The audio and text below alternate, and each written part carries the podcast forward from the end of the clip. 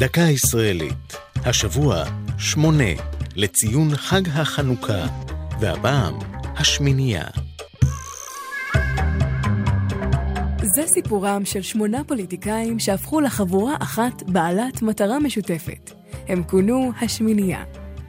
חיים רמון, אברהם בורג, אמיר פרץ, יעל דיין, יוסי ביילין, נואף מסלחה, חגי מרום וניסים זבילי היו בראשית שנות ה-80 חברי כנסת מטעם מפלגת העבודה.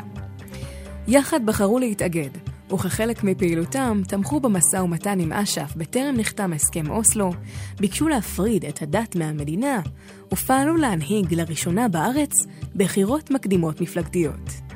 הם הציגו קבוצה מגוונת שכללה שני יוצאי ארצות ערב, אישה אחת, קיבוצניק, חובש כיפה וערבי.